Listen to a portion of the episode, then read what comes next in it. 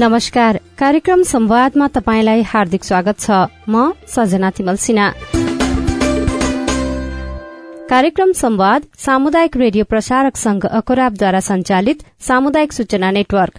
CIN मार्फत देशभरि प्रसारणमा रहेका करिब तीन सय सामुदायिक रेडियोबाट सुन्न सकिन्छ।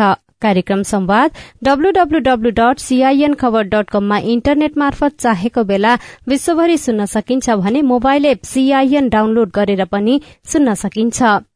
यो कार्यक्रम स्वास्थ्यसँग सम्बन्धित विविध विषयमा केन्द्रित रहनेछ। आजको कार्यक्रममा हामी विस्तारै मौसम परिवर्तन हुँदै गर्दा बालबालिकामा देखिने स्वास्थ्य समस्या चिकित्सक लाइसेन्स परीक्षामा विद्यार्थी फेल हुने कारण लगायतका विषयमा कुराकानी गर्नेछौं। कार्यक्रमको शुरूमा चिकित्सकले बिरामीलाई सेवा दिनका लागि नाम दर्ता गराउनु पर्ने विषयबारे कुरा गरौं। नेपालमा वर्षेनी दुईदेखि तीन हजारको संख्यामा चिकित्सकहरू उत्पादन हुन्छन् तर तीमध्ये सबैले उपचार सेवा दिन पाउँदैनन्। कारण सेवा दिनका लागि चाहिने चिकित्सक प्रमाणपत्र नाम दर्ता अर्थात लाइसेन्सको परीक्षामा उत्तीर्ण गर्नुपर्ने हुन्छ। तर नेपाल मेडिकल काउन्सिलले लिने चिकित्सकको लाइसेन्स परीक्षामा कुल सहभागी मध्ये पचास प्रतिशत पनि उत्तीर्ण हुँदैनन्। पाँच वर्ष तीन वर्ष लगाएर अध्ययन गर्ने चिकित्सा समूहका विद्यार्थी किन अनुतीर्ण हुन्छन्? हामीले स्वास्थ्य क्षेत्रका एकजना जानकार डाक्टर जनक कोइरालासँग कुराकानी गरेका छौं। मैले एक्ज्याक्टली अब हाम्रो यो एनालाइसिस गर्दै हेरेका छैन अघि। के हुन्छ भने अब हाम्रो नेपालमा त नेपाली डक्टरहरू भए नेपालमा उत्पादित डक्टरहरू भए अरू चाहिँ विदेशबाट आउने डक्टरहरू छन् विभिन्न देशबाट पास गरेर आएको हुन्छन्। सबै देशको एउटै किसिमको पढाइ हुँदैन। अनि आफ्नो आफ्नो मुलुकको यो के भन्छ डिजिज प्याटर्न भन्छौँ कि भनेको मतलब यो रोगको चाहिँ परिकारहरू बेग्ला बेग्लै हुन्छ। जस्तो अब नेपालमा भनौँ न टिबी बढी छ टाइफोइड बढी छ भने जस्तै अब विभिन्न रोगहरू छन् भने अहिले अब डेङ्गी बढेको छ भने जस्तै त्यस्तै किसिमले अर्को देशमा मानिलिउँ थाइल्यान्डमा पढाएको छ चाइनामा पढाएको छ अथवा युरोपतिर पढाएको छ अमेरिकातिर पढाएको छ भने उनीहरूकोमा चाहिँ कुन रोगहरू बढी छ त्यो विषयमा चाहिँ बढ्दा ध्यान दिया हुन्छ अरू विषयमा कम ध्यान दिया हुन्छ त्यसले गर्दाखेरि सबै देशको एक किसिमको परि यो एकै किसिमको पढाइ हुँदैन। आफ्नो देशमा जुन बढ्ता यो छ रोगहरू छ त्यो रोगहरूमा चाहिँ फोकस गरेर त्यो रोगहरूको बारेमा बढी ध्यान दिएर चाहिँ त्यसलाई बढ्ता पढाएको हुन्छ। त्यस कारणले गर्दाखेरि हामीले यो नेपालमा अब कुस कुन किसिमको परीक्षा दिएको छ त्यो परीक्षा चाहिँ नेपालको डक्टरहरूलाई नेपालमा उत्पादित डक्टरहरूलाई नेपालमा भएको रोगहरू जुन किसिमले पढाएको छ त्यो हिसाबले नै परीक्षा लिएको हुन्छ। त्यसैले अब त्यो परीक्षामा कसैले बाहिर पढेर आएको व्यक्तिले चाहिँ यहाँको रोगहरूसँग चाहिँ त्यति परिचित छैन। अथवा त्यसपट्टि चाहिँ बढ्ता ध्यान दिएर पढाएको छैन। अथवा तयारी गरेको छैन भने चाहिँ पास गर्न गाह्रो हुन्छ। एउटा चाहिँ नम्बर एउटा त्यो भयो कि देशहरूको अनुसार। अर्को चाहिँ स्पेसलाइजेसन गरिसकेपछि मानिलिउँ एकजनाले चाहिँ एमबिबिएस पास गर्यो। त्यसपछि गएर इन्टर्नल मेडिसिन गर्नुपर्ने हुन्छ। त्यसपछि मानिलिउँ उसले चाहिँ यो कार्डियोभास्कुलर डिजिज भन्नाले यो मुटु सम्बन्धी होइन मुटु सम्बन्धी चाहिँ रोगमा स्पेसलाइजेसन गर्यो भने उसलाई चाहिँ मुटु सम्बन्धी रोगको बारेमा धेरै नै आउँछ। तर नेपाल मेडिकल काउन्सिल त्यसरी मुटु सम्बन्धी रोगको मात्रै परीक्षा नलिएर अब सबै नै रोगहरूको बारेमा सोधेको हुन्छ। अब त्यसमा उहाँलाई मुटु सम्बन्धी रोग धेरै आएर मुटु सम्बन्धीमा हन्ड्रेड पर्सेन्ट लिएर पास गरे पनि अरू रोगहरूको बारेमा चाहिँ धेरै अगाडि पढेर त्यस विषयमा चाहिँ धेरै अध्ययन गरेका छैन भने बिर्सिसकेको हुनसक्छ। त्यस कारण यसमा चाहिँ विभिन्न कारणहरू हुनसक्छ। यसलाई चाहिँ अलिकति एनालिसिस गरेर कुन प्रकारको डक्टरलाई कुन किसिमको सोध्ने हो त्यो किसिमकोले नै मात्रै हामीले चाहिँ यो कतिको पास हुन सक्छ भनेर भन्न सकिन्छ। यो त विदेशमा पढेर आएका चिकित्सकहरूको बारेमा भन्नुभयो होइन? नेपालकै हकमा पनि नेपालमै पढेका चिकित्सकहरू पनि लाइसेन्स लिने बेलामा फेल भएको देखिन्छ। यसमा के पाउनुहुन्छ? अब त्यसमा चाहिँ हाम्रो अब देशमा अब हाम्रो युनिभर्सिटीहरूले एउटा स्ट्यान्डर्ड कायम गरेको छ। अब अरू मुलुकहरूको हेर्ने हो भने आफ्नो देशमा पास गरिसकेकोलाई जुन स्ट्यान्डर्ड मेन्टेन गरेको छ त्यसलाई चाहिँ हाम्रो त मेडिकल एजुकेसन काउन्सिल भन्ने छ नि। मेडिकल एजुकेसन काउन्सिल राष्ट्रिय चिकित्सा शिक्षा सम्बन्धी आयोगले जुन स्ट्यान्डर्ड राखेको छ त्यो स्ट्यान्डर्डबाट पास गरेको विद्यार्थीहरूलाई चाहिँ नेपाल काउन्सिल मेडिकल काउन्सिलको परीक्षा फेल हुनु भनेको चाहिँ ठिक होइन त्यो चाहिँ।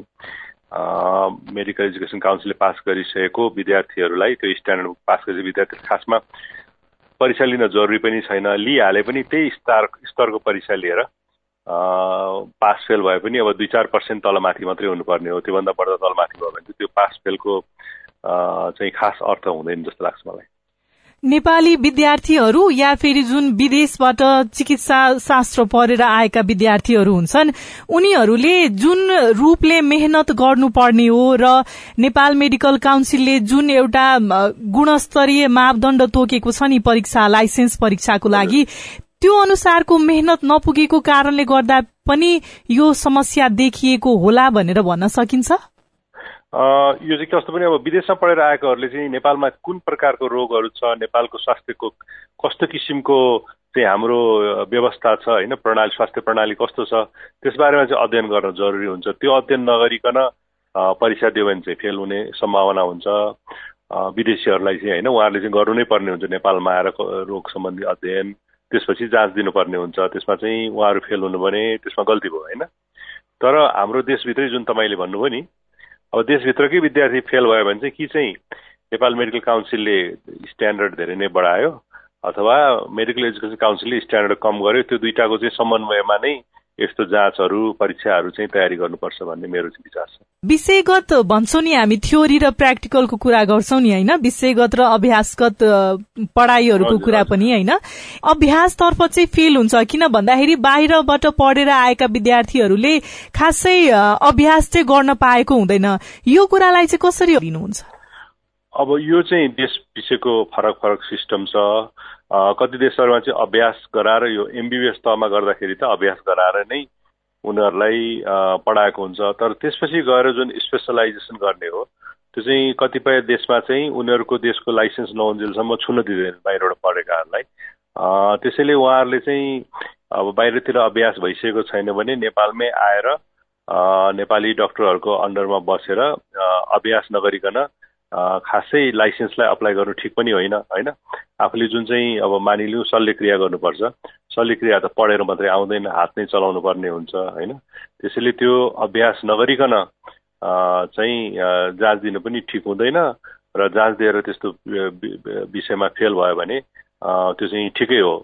उहाँहरूले अभ्यास राम्रोसँग नगरिकन र चाहिने जति अब मानिले एउटा कुनै किसिमको शल्यक्रिया गर्नु पर्यो त्यो शल्यक्रिया चाहिँ कतिवटा गर्नुपर्छ भनेर तोकिदिएकै हुन्छ।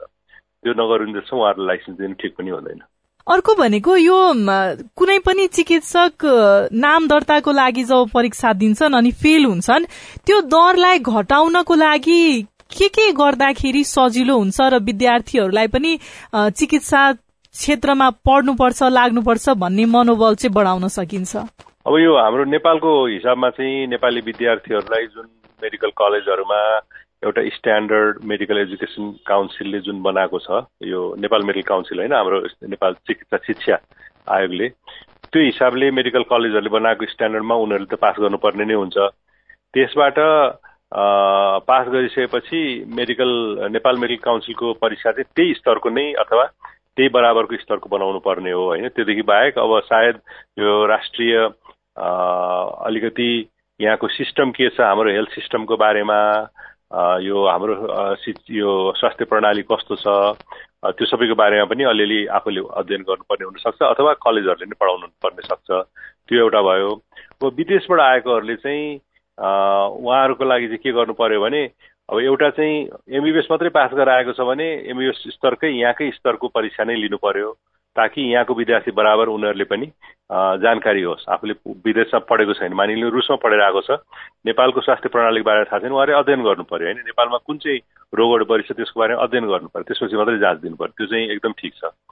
तर जसले चाहिँ मानिलिउँ एउटा अब हार्ट स्पेसलिस्ट होइन? मुटुको विशेषज्ञ भएर आयो अथवा प्लास्टिक सर्जरीको विशेषज्ञ भएर आयो भने उहाँहरूलाई चाहिँ त्यही सम्बन्धीमा सम्बन्धीको चाहिँ परीक्षा लिनुपर्छ। न कि भर्खर एमबिबिएस दिएको बराबरको भन्दाखेरि पनि प्लास्टिक सर्जरी दिने प्लास्टिक सर्जरी स्पेसलिस्टलाई मुटु रोग सम्बन्धीलाई मुटु रोग सम्बन्धी नै सोध्नु पर्यो होइन। त्यो किसिमको नै परीक्षा प्रणाली अप्नाउनु पर्ने हुन्छ। त्यसमा सायद यो कुरा चाहिँ भइरहेको छ।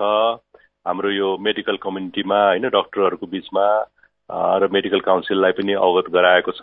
त्यो हिसाबले चाहिँ यो कुरामा अब सुधार चाहिँ गर्न जरुरी छ। हाल नेपालमा तीस हजार भन्दा बढ़ी चिकित्सक सेवा दिनका लागि उपयुक्त छन्। यो तथ्याङ्क नेपाल मेडिकल काउन्सिलको हो। काउन्सिलका अनुसार नाम दर्ता गराउन नसक्नेले बिरामीको सेवा दिन पाउँदैनन्। त्यसकारण चिकित्सा शिक्षामा अध्ययनरतले विशेष ध्यान दिएर नाम दर्ता परीक्षा उत्तीर्ण गर्नुपर्ने हुन्छ। अब लागौं मौसम परिवर्तनसँगै बालबालिकामा देखिने स्वास्थ्य समस्यातर्फ। गत मंगलबारदेखि परिरहेको निरन्तरको वर्षा आगामी केही दिनसम्म जारी रहने सम्भावना छ। मौसम पूर्वानुमान महाशाखाका अनुसार हाल मध्यपश्चिम बंगालको खाड़ी र आसपास रहेको न्यूनचापीय क्षेत्रको प्रभाव नेपालमा रहेका कारण अझै केही दिन वर्षा हुन सक्छ। पहाड़ी तथा हिमाली क्षेत्रमा वर्षाका कारण मौसम परिवर्तन हुँदै गएको छ भने बिहान र बेलुकाको समयमा चिसो अनुभव हुन थालेको छ।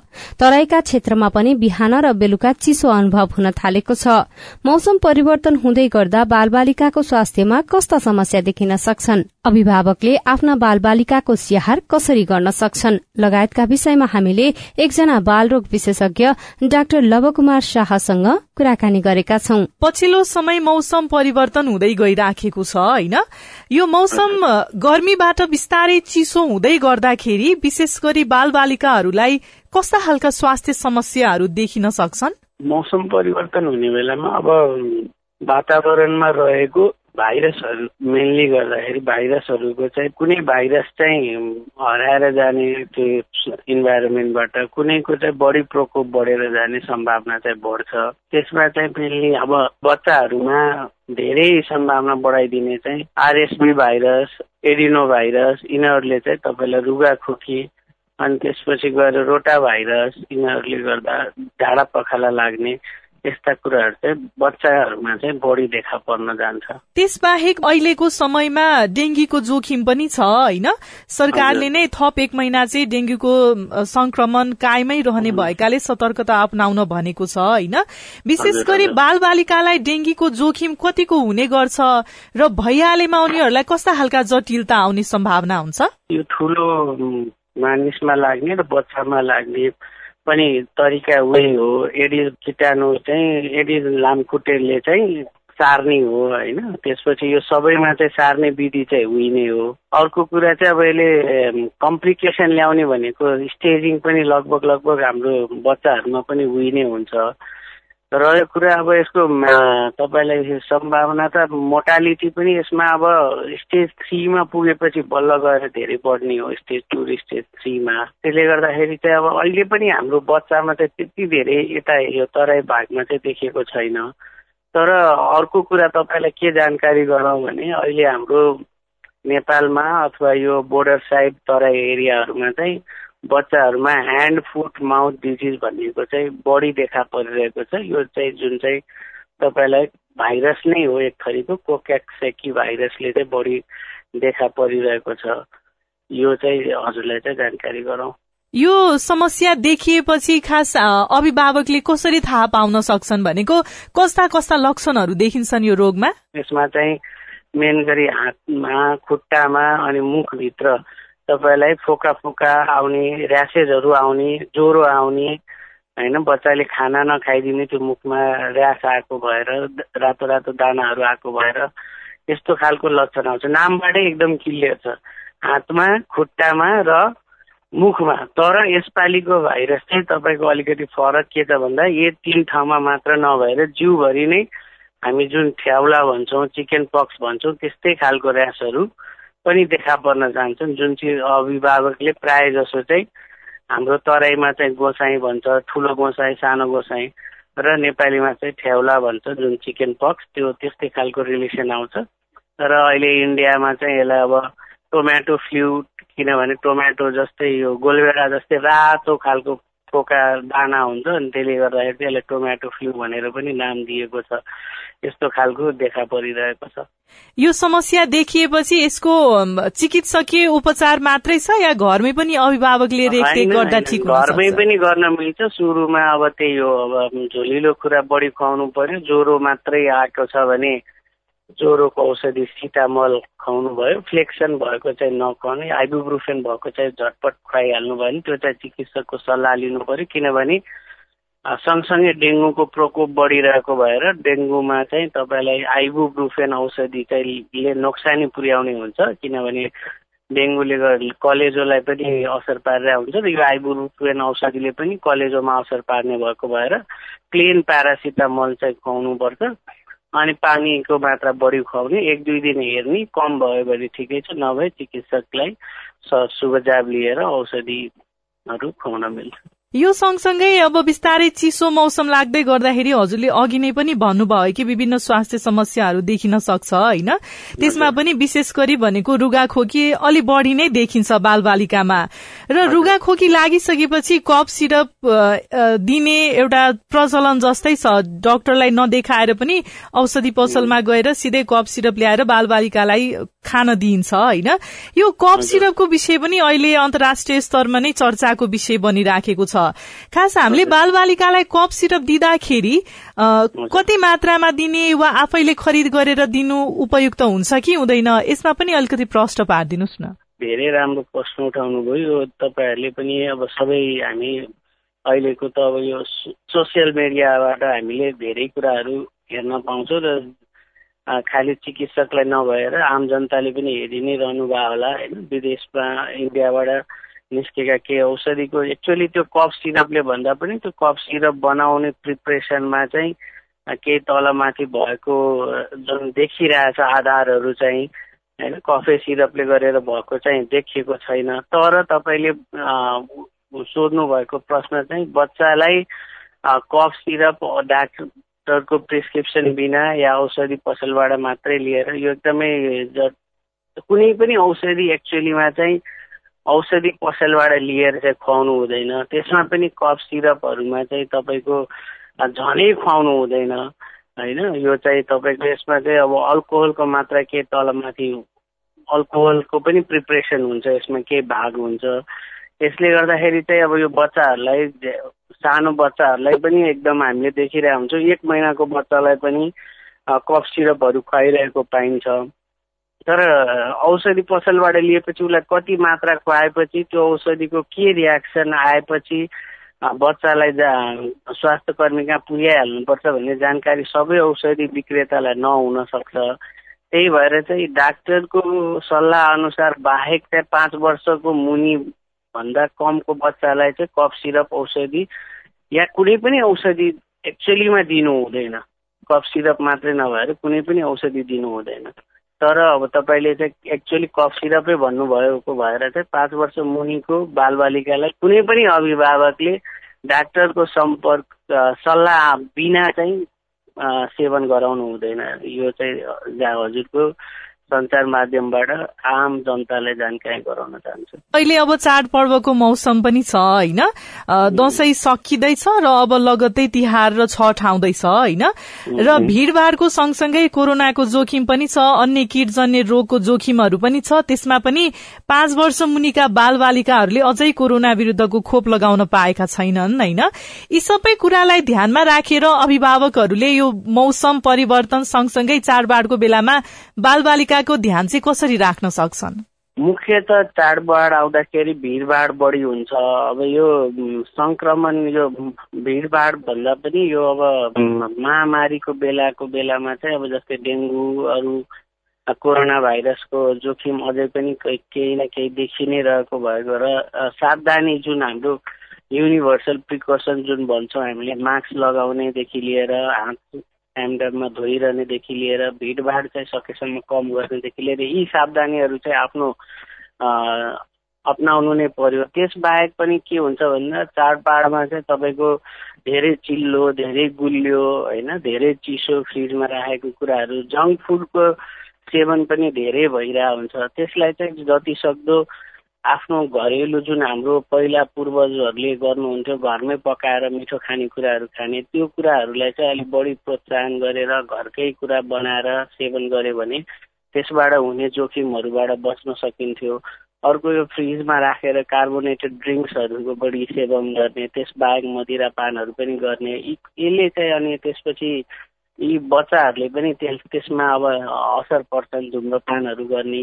होइन चाडपाडको व्यथिति आफ्नै छुट्टै छ तर संक्षिप्तमा चाहिँ चाडपाडको बेलामा चाहिँ यो अब सङ्क्रमण हुने रोगहरू त्यसबाहेक चाहिँ अब चिसो महिना आइरहेको भएर भाइरसको इन्फेक्सन र खानपिनको बाट पनि हामीले अलिकति कन्ट्रोल चाहिँ गर्नै पर्ने देखिन्छ त्यसबाट बच्न सक्यो भने चाडबाडहरू यी सबै सुरक्षित हुन्छ होला।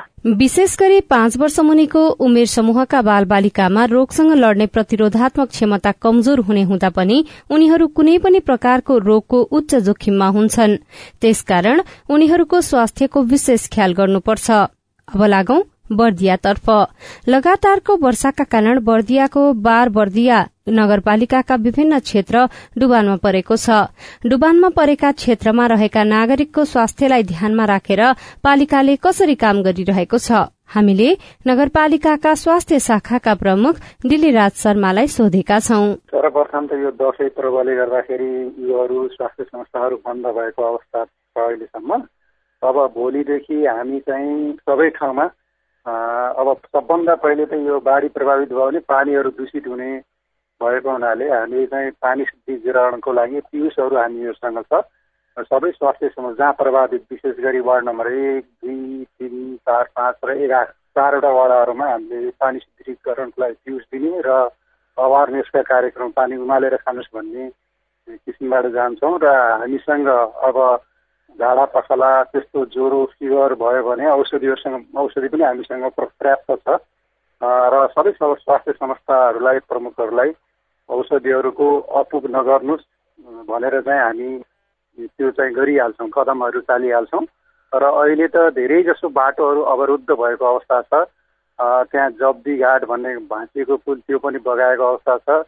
र बाटोहरू जस्तो गुलेरिया सडक खण्ड पनि अवरुद्ध छ। गाडीहरू आवत जावत कम छ। त्यसले गर्दाखेरि हामी त्यो तयारीमा लागिसकेका छौँ। जो यो बाढी पश्चात हुने महामारीको जोखिमलाई कम गर्न हामी तयार छौँ स्वास्थ्य कर्मीहरू बाढी र डुबानले गर्दाखेरि बारबर्दिया नगरपालिकाका कति जति स्वास्थ्य संस्थाहरू प्रभावित भएका छन्? स्वास्थ्य संस्थाहरू चाहिँ त्यसरी प्रभावित भएको अथवा औषधि डुब्ने खालको त्यस्तो त छैन संस्थाहरू बाढी ग्रसित क्षेत्रहरूमा बनेका छैनन् भवनहरू त्यसकारण त्यसरी प्रभावित चाहिँ भएको अवस्था चाहिँ छैन अलिक गाह्रो गाह्रो छ न त त्यहाँ नजिक भएका स्वास्थ्य कर्मीहरूलाई हामीहरूले भनेका छौँ भन्न त त्यहाँ केही भयो भने अथवा केही त्यस्तो महामारी अथवा केही भयो अथवा त्यहाँ नजिक पानी शुद्धिकरणको लागि अवेरनेस गर्नुहोस् त भनेकै छौँ तर टाढा टाढाबाटका पनि हुनुहुन्छ स्वास्थ्य कर्मी अफिस खुल्ने भएको हुनाले भोलि चाहिँ पुग्नुहुन्छ उहाँहरू। बाढी र डुबानले झाडा पखाला बाहेक अन्य स्वास्थ्य समस्याहरू पनि निम्ति नै हुन्छ होइन? त्यसमाथि अहिले डेङ्गीको जोखिम पनि छ र यो सँगसँगै किट जन्य रोगको जोखिम पनि निम्तिन सक्छ। त्यसलाई ध्यानमा राखेर पालिकाको तर्फबाट कस्तो खालको पूर्व तयारी तपाईँहरूले अहिले गरिरहनु भएको छ? हामीले सबभन्दा त अब डेङ्गुहरूबाट बच्न अथवा लामखुट्टेबाट बच्न खुला भएको कपडाहरू नलगाउने धेरै बाहिर चाहिँ नबस्ने घरभित्र बस्ने आफ्नो खाद्यान्नहरूलाई चाहिँ अलिक सुरक्षित ठाउँमा राख्ने विशेष गरी गर्भवती सुत्केरीहरू र बालबालिकाहरू जोखिममा पर्ने हुन्छ। ती यिनीहरूलाई पनि खाद्यान्नहरू पोषणयुक्त खानाहरू सुरक्षित राख्ने चाहिँ हामीहरूले चाहिँ सन्देशहरू दिन्छौँ म्याडम। हजुर त्यो सँगसँगै जहाँनिर पानी पिउने पानीको व्यवस्था छैन वा भनौँ न कलहरू डुबानमा परेका छन् विशेष गरी तराई क्षेत्रमा त्यो हातले चलाउने चापाकल हुन्छ होइन? र शुद्ध पानीको पहुँच छैन भने तपाईँहरूले पालिकाको तर्फबाटै पानी उपलब्ध गराउने पनि गरिरहनु भएको छ या के छ? हामीहरू पिउस उपलब्ध पानी शुद्धिकरणको लागि तत्कालै पिउनको लागि पिउसहरू उपलब्ध गराउँछौँ म्याडम अरू दात्री संस्थाहरूलाई पनि गुहार गर्छौँ त्यस्तो अवस्थामा। त्यो उहाँहरूले पनि गर्न सक्नुहुन्छ जस्तो यहाँ स्थानीय उहरू जाति संस्थाहरू हुन्छ गेरुवा ग्रामीण जागरण सङ्घ अरू महिला उत्थान केन्द्र वर्दियाहरू छन्। उहाँहरूलाई पनि हामी रिक्वेस्ट गरिहाल्छौँ। त्यो बाहेक भनेको तपाईँहरूले जस्तै अहिले अब जति पनि पालिकामा दीर्घ रोगीहरू छन् या जो बिरामीहरू छन् उनीहरूलाई स्वास्थ्य संस्थामै ल्याएर या सुरक्षित स्थानमा राखिसक्नु भएको छ? त्यस्तो त गरिएको छैन म्याडम। त्यस्तो खासै अब घर दुकानहरू परेको पाँच नम्बर वार्डमा त्यही बिस पच्चिस घर छ त्यो पनि पानी घटेर गएको छ भन्ने चाहिँ हामीले बुझेका छौँ। त्यसले गर्दाखेरि त्यस्तो चाहिँ ठ्याक्कै एकदम तटीय क्षेत्रमा मात्रै हो म्याडम त्यस्तो भएको। खासै अरू ठाउँमा त्यस्तो धेरै प्रभावित छैन। बारबर्दिया मात्रै होइन गुलरिया बाँकेको नरैनापुर राप्ती सोनारी लगायतका लुम्बिनी प्रदेशका अन्य जिल्ला साथै सुदूरपश्चिम र कर्णाली प्रदेश अनि गण्डकी प्रदेशका पनि विभिन्न भूभाग डुबानमा परेको छ भने पहिरो जाने क्रम नरोकिँदा मानिसहरू त्रसित छन्। यस्तो अवस्थामा आफ्नो ज्यानको सुरक्षा गर्दै सतर्क रहनुपर्छ भने समयमै उचित स्थानमा गएर बस्नुपर्छ। अब एकैछिन कुरा गरौं देशभर फैलिएको डेंगी बारे हुन त दशैं शुरू भए यता दैनिक संक्रमित हुने र मृत्यु हुने दर न्यून छ तर अझै पनि एक महिनासम्म डेंगीको जोखिम कायमै रहने सरकारको प्रक्षेपण छ। स्वास्थ्य तथा जनसंख्या मन्त्रालय अन्तर्गतको इपिडिमियोलोजी तथा रोग नियन्त्रण महाशाखाले पछिल्लो केही दिनदेखि निरन्तर वर्षाका कारण देशभरको तापक्रम घट्दै गए पनि डेंगी रोगको जोखिम अझै एक महिना कायम रहने बताएको छ। महाशाखा अन्तर्गतको किटजन्य शाखाका प्रमुख गोकर्ण दाहाल वर्षाका कारण मौसम परिवर्तन भए पनि डेंगी रोगको जोखिम अझै एक महिना रहने भएकाले सतर्कता अपनाउन सीआईएन मार्फत आग्रह गर्नुहुन्छ। अनुमान पनि यो चाहिँ बिस्तारै अब जाडो पनि मौसम पनि बढ्दै जाने टेम्परेचर डाउन तल झर्दै गयो भने लामखुट्टेहरूको एक्टिभिटीहरू कम हुन्छ र यसको डेन्सिटी पनि कम हुन्छ भन्ने अपेक्षा हो। तर त्यो भनिरहँदा पनि अहिले पछिल्लो पटक तराईका जिल्लाहरूमा अथवा अन्य केही जिल्लाहरूमा पानी परिरहेको अवस्थामा चाहिँ टेम्परेचर पूर्ण रूपमा तल नझरिसकेको अवस्था र पानी परिरहेको अवस्थामा चाहिँ केही समय अझै लामखुट्टेको ब्रिडिङ साइड चाहिँ बढ्ने हो कि भन्ने चाहिँ अर्को पाटो पनि छ। त्यो हिसाबले अझै हामी एक महिनासम्म चाहिँ अझै जोखिमकै जोखिमकै अवस्थामा छौँ भन्ने चाहिँ हामीलाई लाग्छ।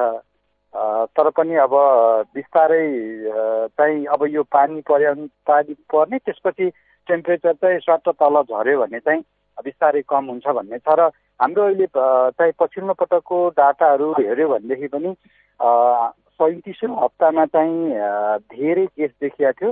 अडतिस हप्तामा र उन्चालिस हप्तामा र अहिले चालिस हप्ता चलिरहँदा पनि केसहरू चाहिँ बिस्तारै ओह्रालो लागेको चाहिँ ट्रेन चाहिँ देखिन्छ।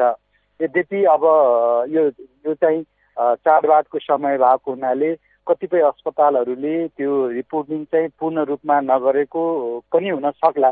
त्यो बाटो पनि सँगसँगै छ तर अनुमान चाहिँ कम हुन्छ कि भन्ने नै हो।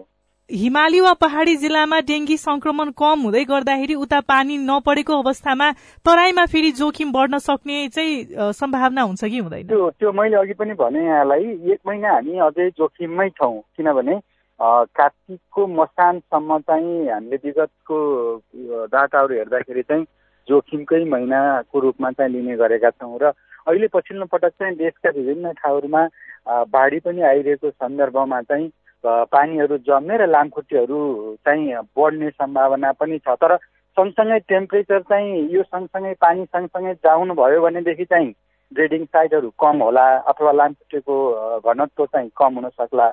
अथवा यति भन्दै गर्दा पनि फेरि पनि के हो भने अझ यो अझै एक महिनासम्म चाहिँ हामीले निगरानी अप्नाउनु पर्ने या सावधानी अप्नाउनु पर्ने डेङ्गु मात्रै नभएर ला लामखुट्टेबाट सर्ने अथवा अन्य किट जन्ने रोगहरूको प्रकोप अथवा त्यसको चाहिँ चाप चाहिँ बढ्न सक्छ भन्ने नै हो। मन्त्रालयले लगातारको वर्षाका कारण पानीको मुहान फोहोर हुँदा झाडा पखला हैजाका साथै अन्य संक्रामक रोगको जोखिम बढ़ेकाले सावधानी अपनाउन आग्रह पनि गरेको छ। यो सँगै आजको लागि कार्यक्रम संवादको समय सकिने लाग्यो।